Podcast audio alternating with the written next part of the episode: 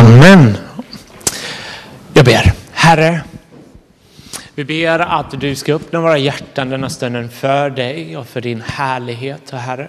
Och vi ber att du ska öppna våra ögon så vi får se din ljuvlighet och din skönhet som vi hört i denna salmen, Herre.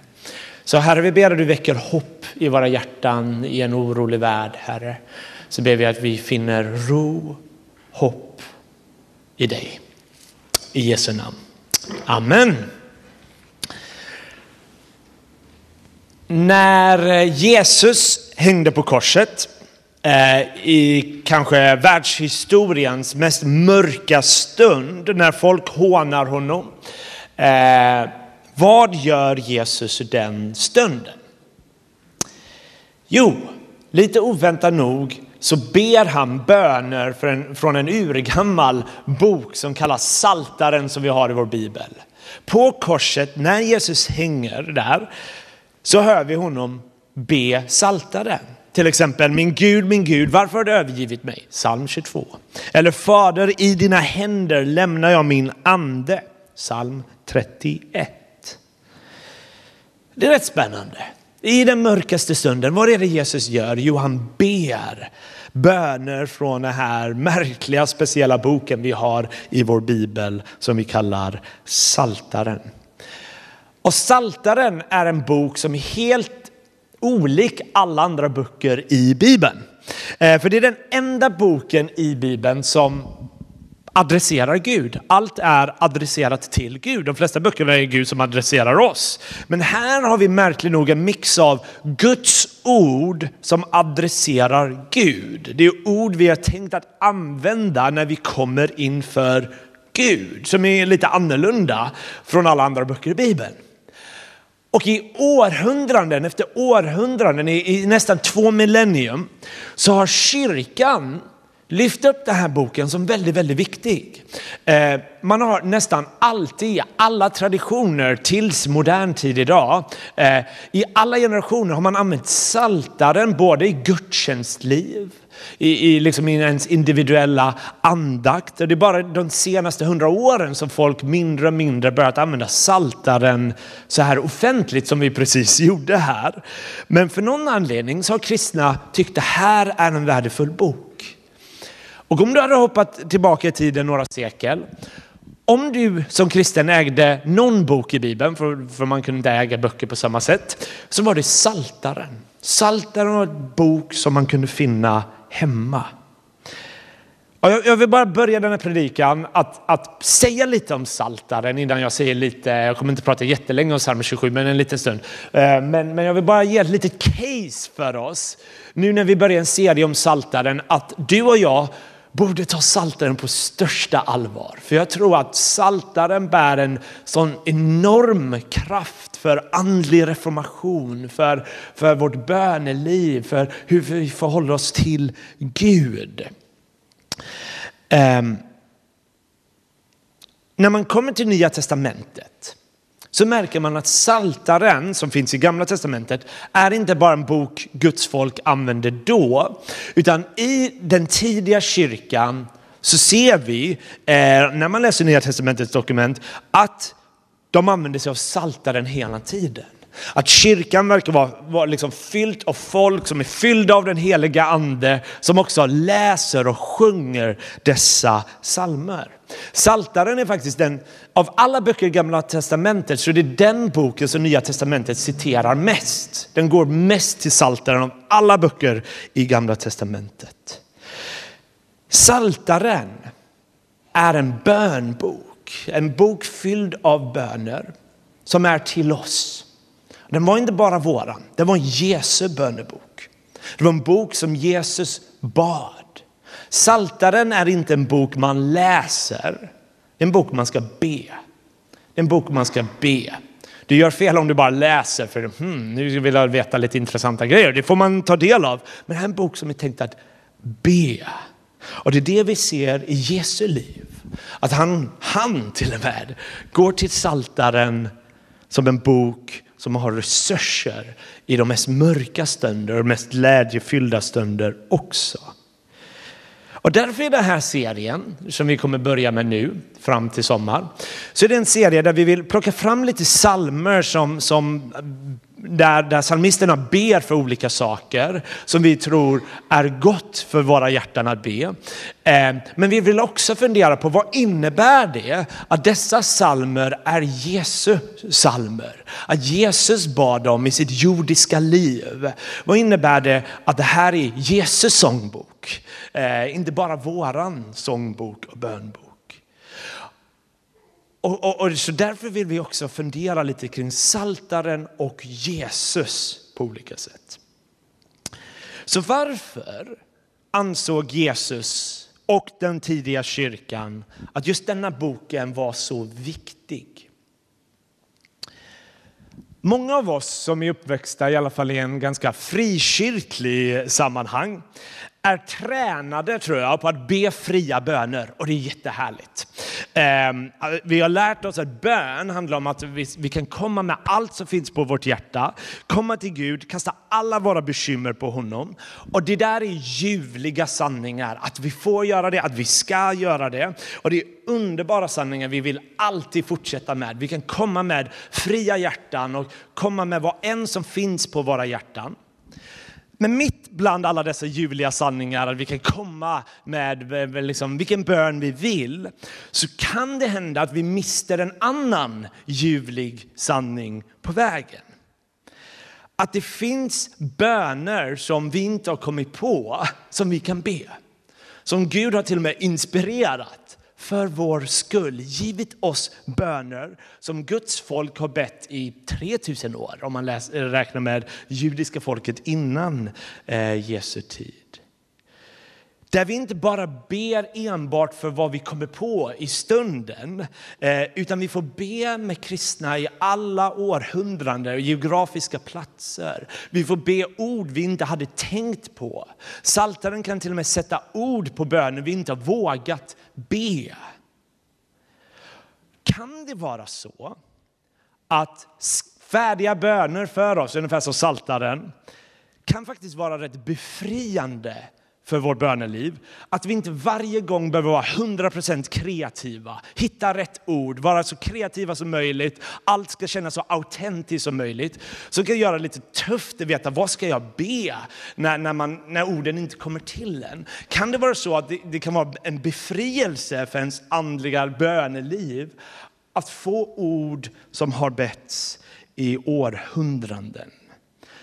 Och jag är själv så övertygad, bara vad jag märkt i mitt liv, vad jag har läst hur kristna genom tiderna, hur saltaren har liksom fått vara så avgörande för deras liv, så tror jag att det kan kicka igång en andlig reformation i våra hjärtan, i våran stad, i vår kyrka och så vidare. Och det är därför vi i Centrum har börjat någonting vi hade en liten paus med. Ehm, förr i tiden så bad vi salmer högt ihop och sen kom en pandemi och då, då lugnade vi ner oss lite med salmerna. Ehm, nu har de som har kanske varit på gudstjänst de senaste tre, fyra gångerna, har vi börjat vilja be salmer tillsammans högt.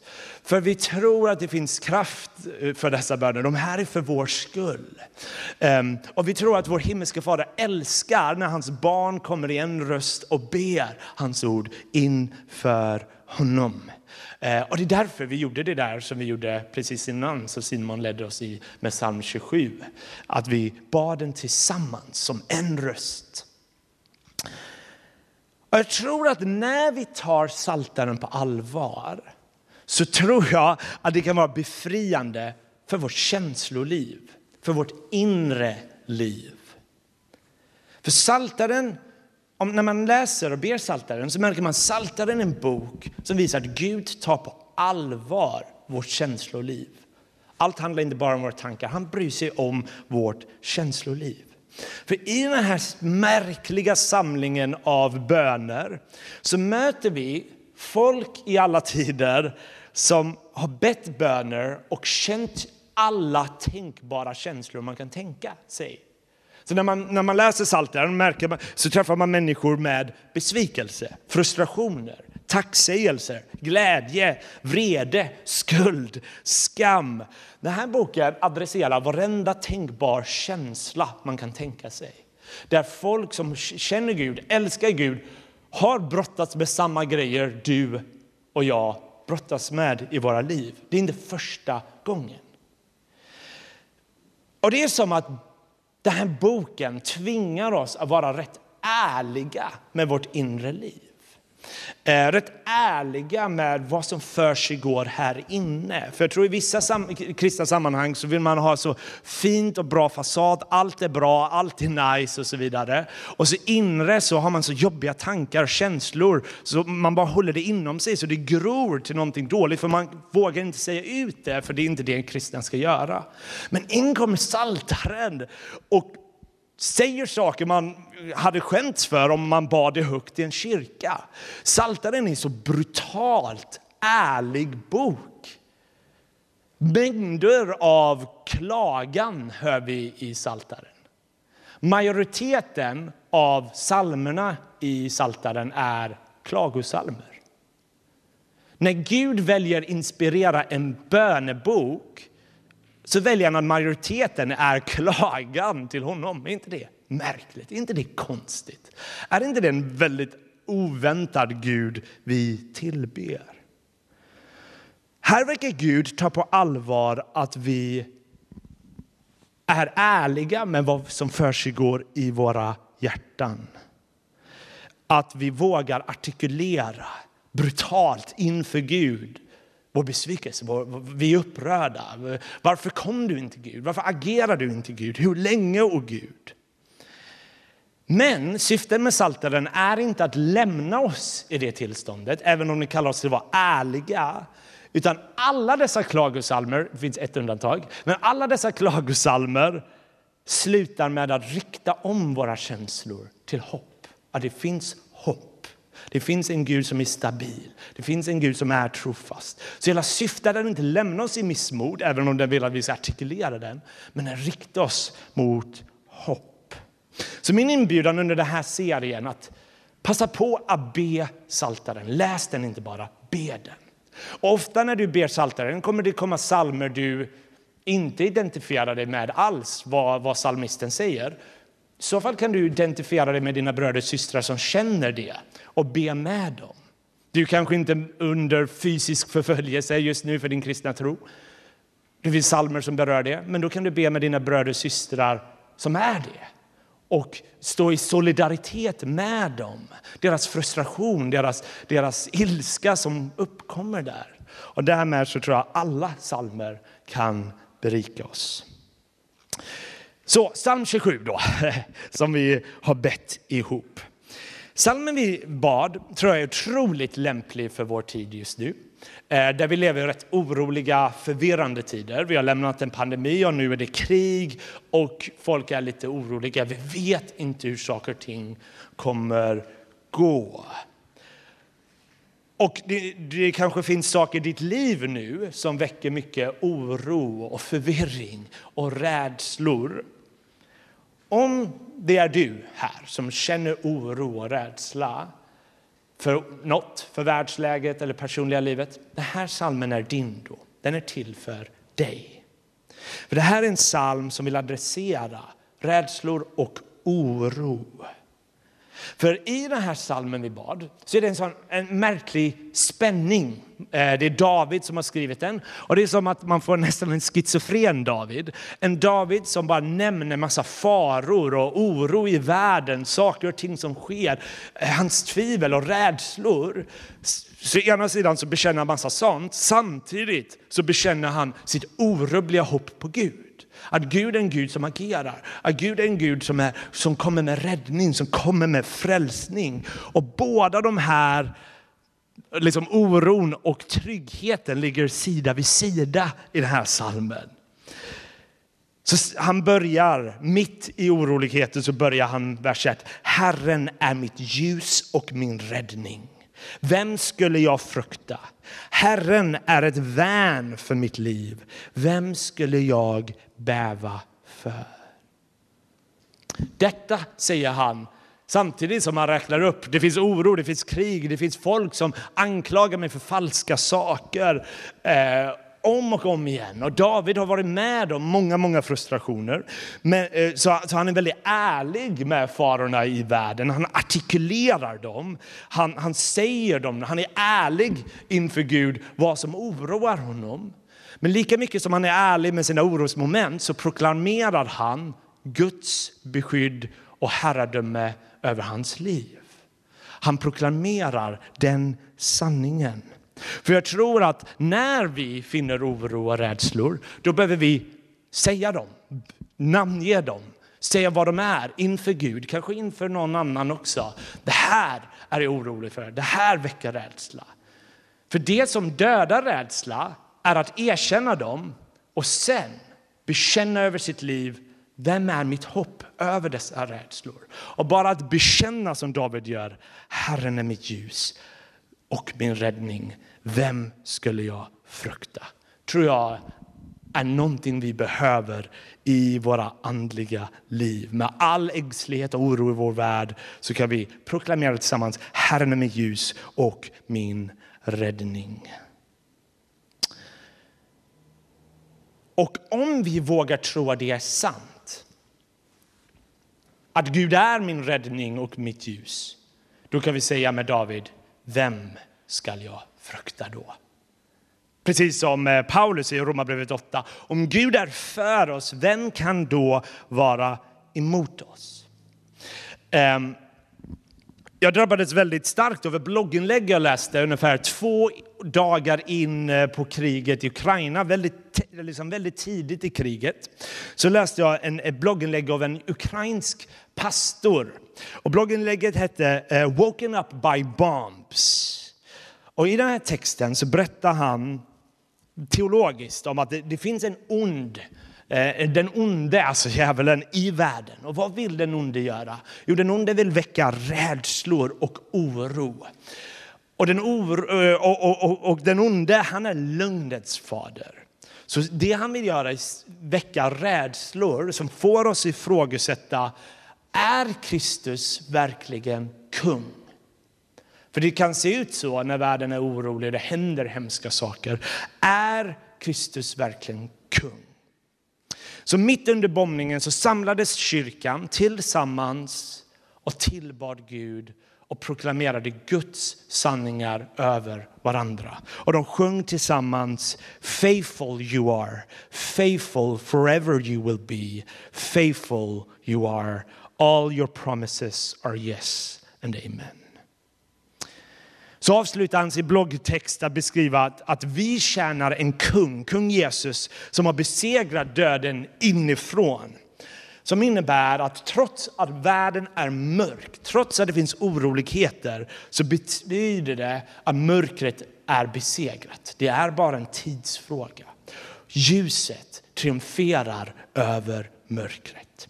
Och I oroliga tider så tror jag vi behöver göra som den här ukrainska pastorn och sin församling. Att be, be högt Guds sanningar om vem som verkligen är kung. För det är genom att adressera rädslorna och sen bekänna vår, vår hopp som jag tror kan döda rädslorna i oss. Eh, så det är första sanningen. De andra två kommer gå supersnabbt. Men det är första sanningen ehm, som, som denna salmen säger. Vi ska bekänna våra rädslor, men också bekänna vårt hopp. Vers 4, eh, kanske den kändaste versen från eh, den här salmen, så säger han så här. Ett enda ber jag Herren om. Detta begär jag att få vara i Herrens hus varje dag i mitt liv för att se Herrens ljuvlighet och söka svar i hans tempel. Vad är det David gör i vers 4? Jo, han vet att det som verkligen trumfar rädslor och oro är Guds närvaro. Det är att möta Gud. Och till och med att se Herrens ljuvlighet. Det ordet ljuvlighet kan också betyda skönhet. Ehm, en av mina morgonböner som jag ofta gör är just vers 4. Att jag ska be till Gud att Herre, öppna mina ögon denna dag så jag får se din skönhet och din ljuvlighet. För det är mötet med Guds närvaro, hans skönhet, som saker hamnar i perspektiv. Där oro börjar avta. Så det är den andra grejen David gör. Han bjuder in oss att söka Gud och hans skönhet och hans härlighet. Och till sist, vers 14, så slutar han salmen med att säga Vänta på Herren, var stark, fatta mod och vänta på Herren. Jag, eh, Joel alltså, är en människa som är otålig. Jag gillar inte att vänta. Jag är en person som är tidig och tycker att alla borde också vara punktliga. Liksom så här. Jag har bröder som inte är det, så det är liksom så, vi varierar liksom så här, men jag är den otåliga som bara nu, liksom. jag gillar inte vänta så. Jag gillar effektivitet. Men om och om igen ber Gud mig att vänta på honom. I Bibeln hör vi vänta på honom. I Jesaja 40 står det så här. Men det som väntar på Herren får ny kraft. De får vingar som örnar. De springer utan att bli trötta, vandrar utan att mattas. Så varför ber Gud oss att vänta på honom när vi är i svåra situationer och vi upplever Gud frånvarande? Jo, för jag tror att i väntandet sker någonting med oss. Väntandet är en process där Gud inte är passiv, även om vi väntar på honom. Väntandet är någonting som gör någonting med vårt inre, där vi förtröstar mer och mer på honom. Och paradoxalt, i Jesaja 40 som jag läste precis, så förnyas vi med kraft i väntandet. Vi får ny kraft när vi väntar på Herren. Så att vänta på Herren, eh, det är inte att kolla på klockan liksom, tills han kommer. Eh, inte passivt så. Men det är att förtrösta på Herren och förvänta sig att Gud faktiskt är djupt involverad i våra liv. Och på något sätt, jag vet inte hur, så kommer han agera. Och det är att vägra springa i förväg och lösa alla våra problem på egen kraft. Men med Guds kraft. Så när vi är trötta, slitna, rädda för vad framtiden har att erbjuda så kommer Gud ge oss vad vi behöver. Så det jag har plockat ur den här texten är egentligen tre lärdomar. Att vi ska vara ärliga och namnge liksom våra rädslor men även proklamera liksom vårt hopp och ljus för oss själva. För oss själva talar vi in den sanningen. Att vi ska söka Guds närvaro och hans skönhet och låta det få förvandla oss. Och att vi ska vänta på Herren. Och som bara den här avslutningen på den här predikningen, predikningen så måste jag säga någonting bara om Jesus och psalm 27. Vissa bibelforskare spekulerar lite. De spekulerar att Jesus bad flera salmer på korset. Vi vet att han bad psalm 22 och vi vet att han bad psalm 31. Så vissa forskare spekulerar att Jesus bad psalm 22, 23, 24, 25, 26 och så vidare. Och 27 i så fall. Vi kan inte vara säkra på att Jesus gjorde det, eh, men det är mycket möjligt att Jesus faktiskt bad psalm 27 på korset. Och även om han inte bad den då, så bad han denna bönen i alla fall tidigare i hans liv. Det var del av hans bönbok. Och Jesus om någon vet vad mörker är. Han har mött det. Han har mött världens hat och mörker som ingen annan. När skapelsen visar sitt förakt mot skaparen, när de hängde honom blodigt på ett kors. Han fick vara med om falska anklagelser, allt som David var orolig över. Jesus gick in i djupaste mörkret, men i det mörkret så tappade han aldrig sitt hopp på sin himmelska fader. Inte en sekund förlorade han sin förtröstan på Fadern. Utan i mörkret så hänger Jesus kvar. Och det betydde vår räddning. Att Jesus tog på mörker betyder att ljus är vår framtid. Att ljus är din och min framtid. Att när vi tror på Jesus är vår framtid otroligt ljus. Och på korset så hånade folk Jesus och de sa eh, hjälp dig själv nu om du är Guds son och stig ner från korset. De hånar honom. Och ironin är att Jesus kan göra det om han vill. Han kan befalla alla änglar att stoppa romarna. Han kan hoppa ner från korset. Men i sin totala förtröstan på sin fader och sitt uppdrag så väljer han att stanna kvar, bli hånad, spottad på, förnedrad, torterad för att vi ska bli räddade.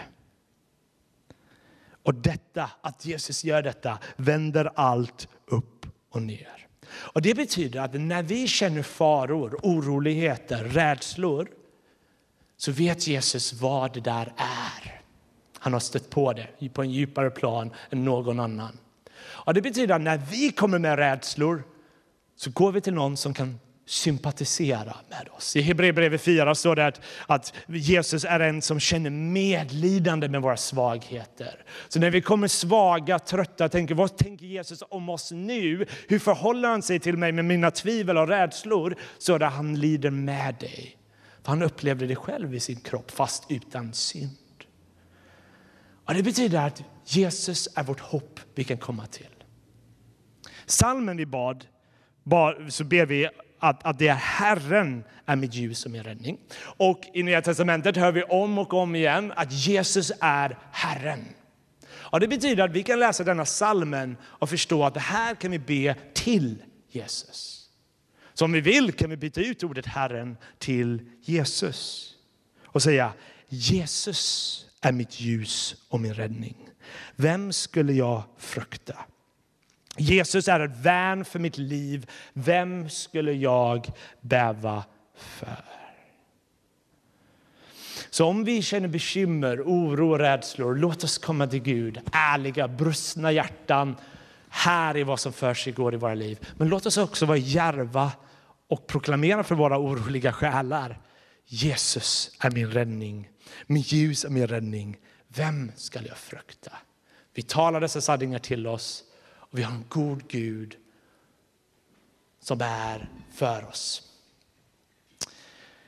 Så låt oss avsluta med att jag... Eh, låt oss avsluta med att be bönen ihop, alltså eh, som vi gjorde innan. Eh, så Fredrik, du får gärna eh, sätta på dem. Är de där? Jajamän, jag ska bara ta fram min slide.